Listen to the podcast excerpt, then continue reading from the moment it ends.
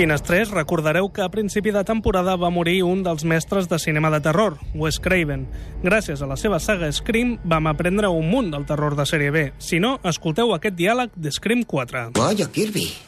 Aquí tienes varios clásicos. Sí. Suspiria, Amenaza en la sombra. Ya lo ves. Podría darte un baño en un juego de preguntas de cine, don cinéfilo. ¿Ah, sí? ¿El primer cara de cuero? Gunnar Hansen. ¡Wow!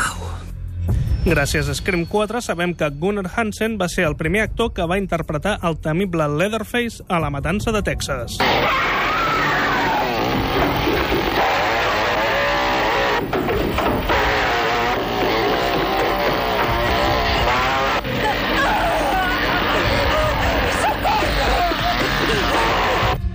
Doncs llei de vida. Després d'haver pelat a uns quants amb la seva serra mecànica, ara és ell que ha mort als 68 anys. Però a la finestra li estem agraït per dos motius. Primer, haver donat vida a una de les icones més grans que ha donat el cinema de terror. I segon, que ens permet repassar un dels rodatges més especials que hi ha hagut, considerant que amb un infin número de recursos van aconseguir un dels films més impactants i aterradors de la història. Avui, cine en majúscules. Avui, la matança de Texas a... La dada de la finestra.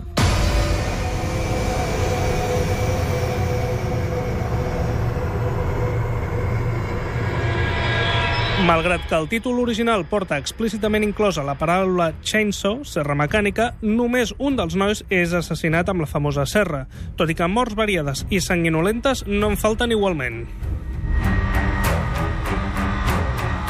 Si seguim amb la serra, només se la veu tallar un tros de carn humana, molt al final del film, i és la cama del propi Leatherface, que té un petit accident de descontrol quan persegueix a Sally, la jove protagonista. El personatge de Pam, per exemple, era penjada d'un ganxo per bestiar.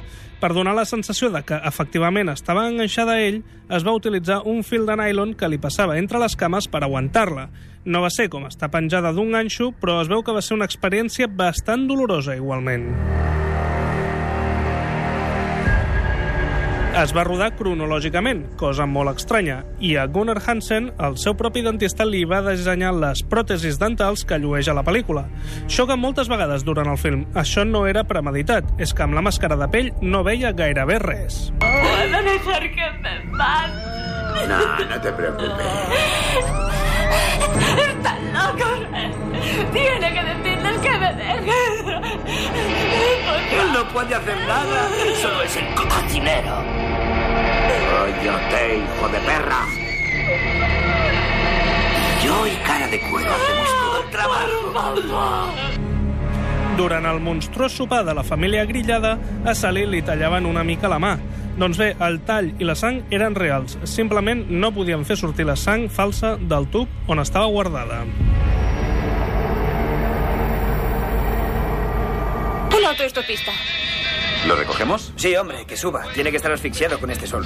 ¿Qué pinta tiene? Ese hijo de puta va a oler igual de mal que el matadero. Aquí podrá descansar sentándose encima de Franklin. ¿Qué queréis que hagamos? Oh, es un tipo rarísimo. ¡Qué horror! La famosa furgoneta on viatgen els grups de joves era de Ted Nicolau, un dels persistes que treballava en el so.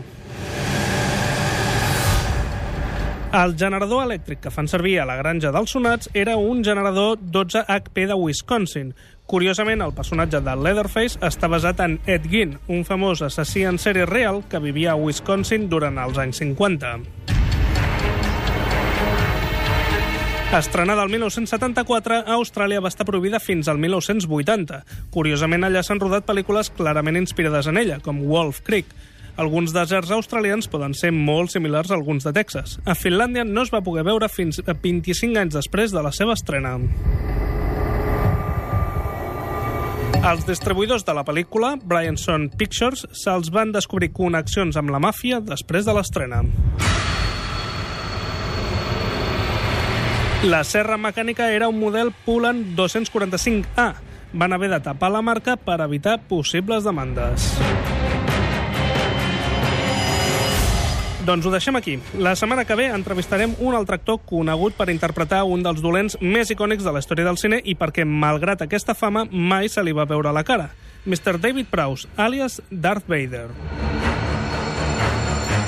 Va, vinga, una darrera sobre la matança i Gunnar Hansen, que és el motiu d'aquesta dada. Sabíeu que ell no volia fer del Leatherface? Li semblava tot massa violent. El va convèncer l'actriu Marilyn Burns, que feia de Sally i que era íntima amiga seva. Curiosament, Marilyn Burns va morir fa poc més d'un any i a on? A Houston, Texas. Oh yeah, baby!